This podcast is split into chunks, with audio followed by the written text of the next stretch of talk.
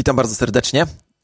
To jest kolejny odcinek bez celibatu, dokładnie drugi odcinek. Ja nazywam się Sławek Zawadzki, a razem ze mną jest... Robert Mikson, cześć Sławku. Czołem Robert. Dodajmy, że Robert jest pastorem baptysty, baptystycznym, pastorem kościoła Egze w Gdańsku. No i Robert, zanim przejdziemy do takiej głębokiej dyskusji, to może zapytam się ciebie o to, skąd wzięła się nazwa tych naszych audycji bez celibatu. No to jest związane z taką ciekawą historią, skąd się w ogóle wziął celibat. E, okazuje się, kiedy zrobiłem dokładne badania, okazuje się, że on pojawił się w wyniku błędu pisarskiego. Chodzi o to, że kiedy tworzono regulaminy funkcjonowania Kościoła, a w szczególności zakonów, e, w jednym z dokumentów znaleziono taki zapis, że będziesz żył w celibacie. I potem okazało się, kiedy robiono dokładniejsze badania, że to był błąd pisarski. Kiedy dotarto do, o, do samego, do pierwotnego tak, e, do rękopisu, okazało się, że tam było napisane będziesz żył w celi, bracie. no, okej. Okay. Rozumiem, że to był e, dowcip, tak? Żart. No bo przecież zajmuje się też historią kościoła. E, żartowałeś. Tak, oczywiście. No dobra, dobra. No, no to wytłumacz e, nam proszę, jak to jest e, w kościołach protestanckich, że pastorzy, osoby duchowne, księża mają żony. Jest bardzo fajnie. Polecam. znaczy, no... No bo jak to jest? W kościele katolickim, również w kościele prawosławnym, chociaż tam na trochę innych zasadach, generalnie kapłan to jest mm. osoba, która żyje w samotności. Tak, ale warto dodać, że na początku tak nie było. Na początku, zauważcie, kiedy czytamy Nowy Testament, e, znamy historię Piotra i tą słynną scenę, e, która potem niektórzy mówią, że odbiła się na postawie Piotra Wobec w pewnym momencie, kiedy Pan Jezus przychodzi do niego do domu, jego teściowa jest chora i Pan Jezus uzdrawia jego teściową. A skąd teściowa? No teściowa jest stąd, że Piotr miał żonę, więc jeżeli pierwszy papież w cudzysłowie, no bo oczywiście nie uznajemy go za papieża jako protestanci, tylko za po prostu apostoła Piotra, e, miał żonę, no to następni bracia również. Nie? I to nawet Piotr pisze o tym, że Paweł pisze o tym w swoich listach. No ale przecież Paweł, apostoł Paweł, nie miał żony i wręcz w liście do Koryntian e, namawia do tego, żeby tej żony nie mieć. Mówi, że to są same problemy. No nie pisze, że same problemy, ale pisze, że wtedy człowiek jest rozdarty między dwoma światami. Z jednej strony chce się żonie podobać, troszczyć się o dom, o dzieci, e, no o dobro swojego domu, a z drugiej strony dobro kościoła. Jest rzeczywiście pewne napięcie, ale myślę sobie tak, że jeżeli nie ma tego napięcia, to jest źle. Człowiek, który żyje w świecie, w którym nie ma żadnych napięć, staje się rozleniwiony, a myślę, że wtedy, kiedy no, musimy walczyć o jedno i o drugie, i o swoją rodzinę, i o Kościół, to zyskuje na tym paradoksalnie jedna i druga strona. E, spróbujmy wyobrazić sobie, znaczy niektórzy pewnie potrafią to sobie wyobrazić, ja nie. E, jeżeli jest jakaś para małżeńska, która przeżywa swój kryzys i przychodzą do pastora, który jest kawalerem, no to ta rozmowa, powiedziałbym, będzie dosyć krótka. Nie? Jałowa. No właśnie, no to czy, czy, możemy podsumować w taki sposób, że e, celibat nie jest czymś, co wywodzi się z Biblii, z Nowego Testamentu? Absolutnie, absolutnie. Ja nawet bym powiedział tak, i tu przeczytam jedno zdanie, i to jest z listu Pawła, e, tego samego Pawła, którego zacytowałeś, czyli apostoła Pawła. E, on pisząc do swojego młodego współpracownika Tymoteusza, jakby spodziewając się pewnych problemów, które on napotka w swojej służbie, mówi tak, i to są bardzo dosadne słowa, mówi tak, a duch wyraźnie mówi, że w późniejszych czasach odstąpią niektórzy od wiary i przestaną do duchów zwodniczych i będą słuchać nauk szatańskich, uwiedzeni obudą kłamców, naznaczonych w sumieniu piętnem występku, którzy zabraniają zawierania związków małżeńskich, przejmowania pokarmów, które stworzył Bóg, aby wierzący oraz ci, którzy poznali prawdę, spożywali je z dziękczynieniem, bo wszystko, co stworzył Bóg, jest dobre i nie należy odrzucać niczego, co się przyjmuje z dziękczynieniem i tak dalej, i tak dalej. Więc apostoł Paweł mówi, że geneza e, celibatu jako, jako zakazu ślubu, tej idei, jest pochodzenia nauki szatańskie. Mówiąc. No właśnie, tak. więc jest to bardzo, bardzo dosadne określenie, ale myślę, że to jest chyba dużo głębszy problem, to znaczy taki problem z próby budowania pewnego rodzaju pobożności po swojemu, na swój własny wzór, bo wydaje nam się, że tak będzie lepiej e, i chęć przypodobania się Panu Bogu na naszych zasadach. Ale to tak nie działa. To chciałbym jeszcze trochę o tym podyskutować. Jaki jest zatem powód, że w e, jednym z największych, czy największym kościele chrześcijańskim, jakim jest Kościół rzymskokatolicki, no jest właśnie ta zasada celibatu. Bardzo wiele osób spoza kościoła dostrzega, czy wskazuje właśnie celibat jako źródło tego całego morza problemów seksualnych, grzechów y, związanych no, z tym przez duchowieństwo. Wyzwanie, przed którym stoi Kościół katolicki dzisiaj, mam na myśli tutaj całą tą przestrzeń związaną z pedofilią, no e, powszechnie uważa się, że to jest właśnie narzucanie celibatu mężczyznom, którzy nie mogą sobie z tym poradzić. Dlaczego w Kościele katolickim jest celibat? Szczerze? Nie wiem. znaczy, myślę, że to jest sprawa polityczna, ale gdzieś tam nie mnie to oceniać, nie badałem nigdy tego aż tak dokładnie. Natomiast dodałbym, że nawet nie tyle na początku chrześcijaństwa, ale na początku stworzenia nawet tak nie było. I chodzi mi o tą sytuację, kiedy Pan Bóg stwarza najpierw Adama i mówi zdumiewające słowa. Najpierw, kiedy stwarza człowieka, mówi, wszystko jest bardzo dobre, ale potem, kiedy, dopóki Adam jest sam, Pan Bóg mówi, niedobrze jest człowiekowi być samemu.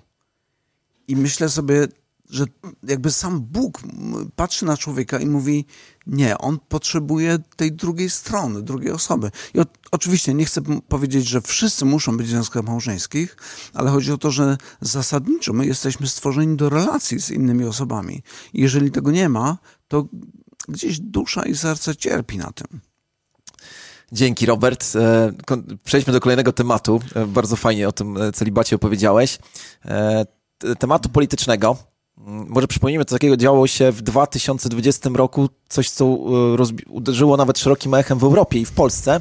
Chodzi o e, zabójstwo czarnego człowieka przez białego policjanta. E, wtedy w Stanach rozpoczęła się taki ruch Black Lives Matter rozpoczął swoje działanie. Pamiętamy, że było związane to z wieloma zamieszkami. I oto w jednej z miejscowości Kenosha młody mężczyzna, 17-letni, e, w czasie tych zamieszek zdecydował się pójść bronić sklepów, domostw z bronią półautomatyczną w ręku. E, ten człowiek nazywał się Kyle Rittenhouse e, i w trakcie, w trakcie jak gdyby bycia tam takim samozwańczym strażnikiem, okazało się, że doszło do pewnej przepychanki pomiędzy nim a człowieka, człowiekiem, którego e, wiemy, że nazywał się Joseph Rosenbaum. Dzisiaj wiemy o tym, że to był człowiek, który chwilę wcześniej wyszedł ze szpitala psychiatrycznego i faktycznie zachowywał się wobec e, naszego tutaj głównego bohatera, jeżeli tak możemy powiedzieć, czyli Rittenhouse'a, dość agresywnie i dziwnie. Widzimy to na nagraniach, skutkiem czego Rittenhouse zabija go, strzela do niego i, e, i zaczyna zaraz po tym strzale uciekać. Tłum, widząc co się stało, biegnie za Rittenhausem i w efekcie tego ginie jeszcze jedna osoba, a druga zostaje bardzo mocno poraniona. E, policja wszystko widzi. Co ciekawe, interwencja policji zgodnie z tym, co udało mi się dowiedzieć, nie jest jakoś tam szczególnie agresywna. E, Rittenhouse po prostu widząc policję podnosi ręce do góry i zbliża się do policjantów, ci go rozbrajają i puszczają go do domu. To jest w ogóle niezwykłe. Dopiero następnego dnia dochodzi do aresztowania. I teraz mówię o tym wszystkim, ponieważ pod koniec listopada sąd amerykański wydał wyrok uniewinniający.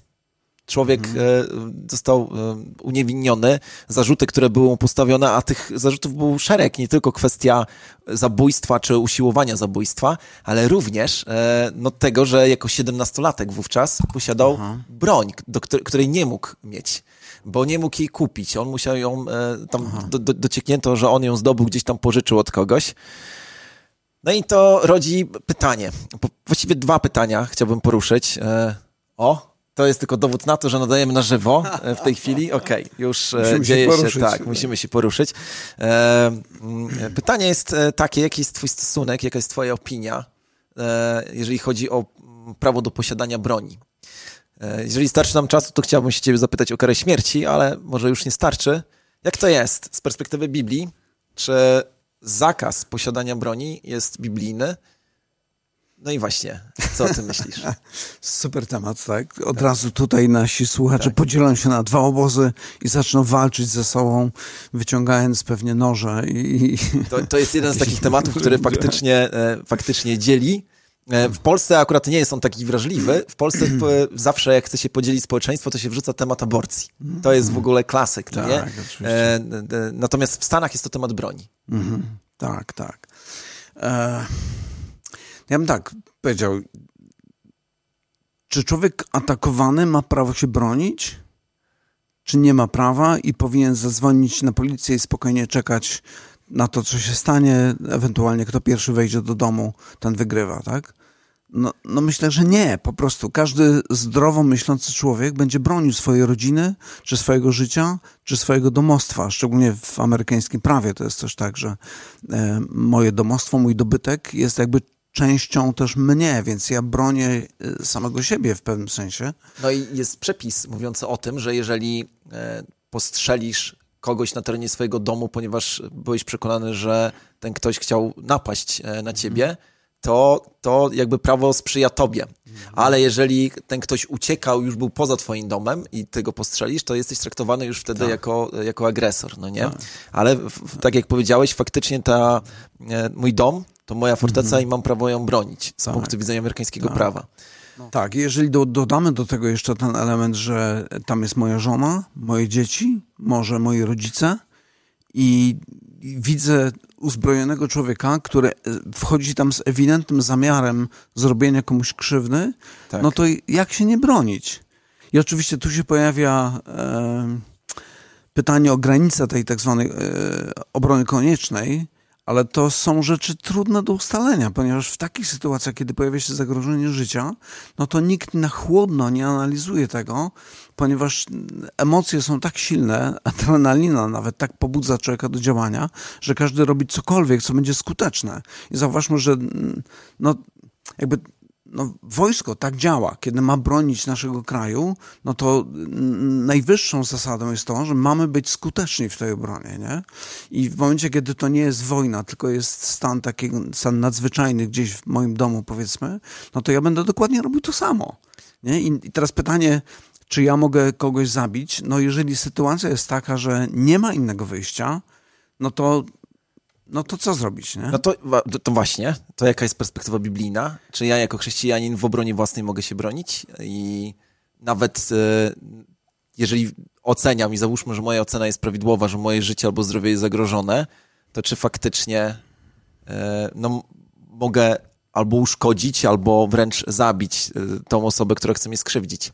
Jak to koreluje, czy koresponduje właściwie koresponduje to lepsze słowo, do, e, do tych słów Jezusa, który mówi, że jeżeli ktoś mnie uderzy w policzek, to ma mu nadstawić drugi.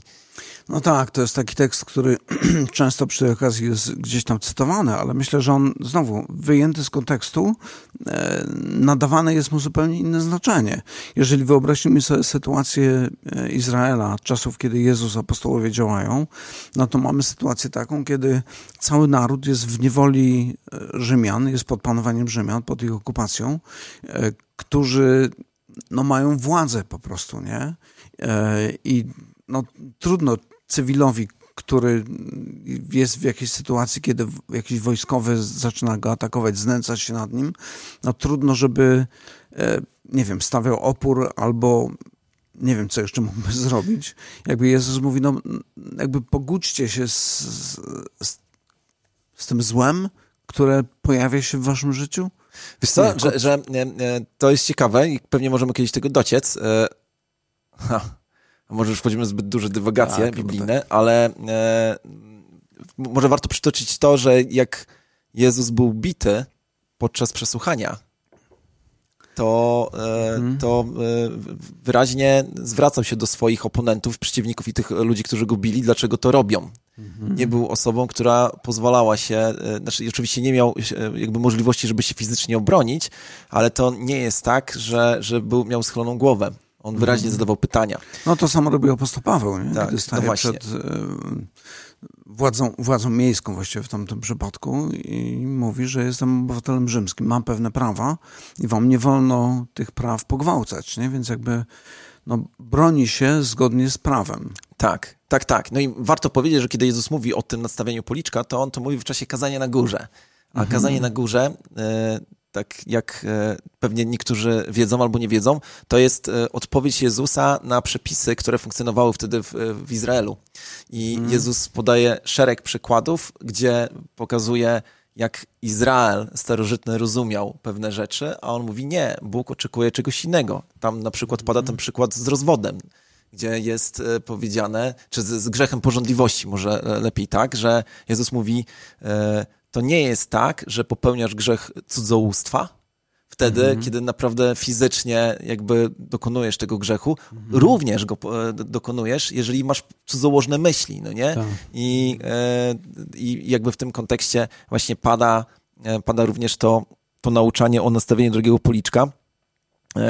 No i warto też dodać, że w, w całej Biblii jednak widzimy, że, że jakby tam, gdzie się broniono, to nie było to postrzegane jako złe. Również nie wiem, czy to jest akurat argument w tej dyskusji, ale e, kiedy apostoł Piotr poszedł do, o, do pierwszego, e, do setnika, e, gdzie chwilę wcześniej zapomniałem jego imienia i zaraz sobie przypomnimy, jak się nazywał, gdzie zobaczył, że poganie mają dar ducha świętego. O, do Korneliusza. Do Korneliusza. Mhm. Zabrakło mi tego imienia. Tak. No to zwróćmy uwagę na to, że kiedy Korneliusz się nawraca, to apostoł Piotr nie mówi mu porzuć pracę tak. wojskowego. Mm. No bo przecież to. jakby y, gdybyśmy byli takimi pacyfistami, to teoretycznie powinniśmy tego oczekiwać. No to samo było w sytuacji, kiedy Jan, do Jana Chrzciciela przychodzą wojskowi i pytają, co mamy czynić.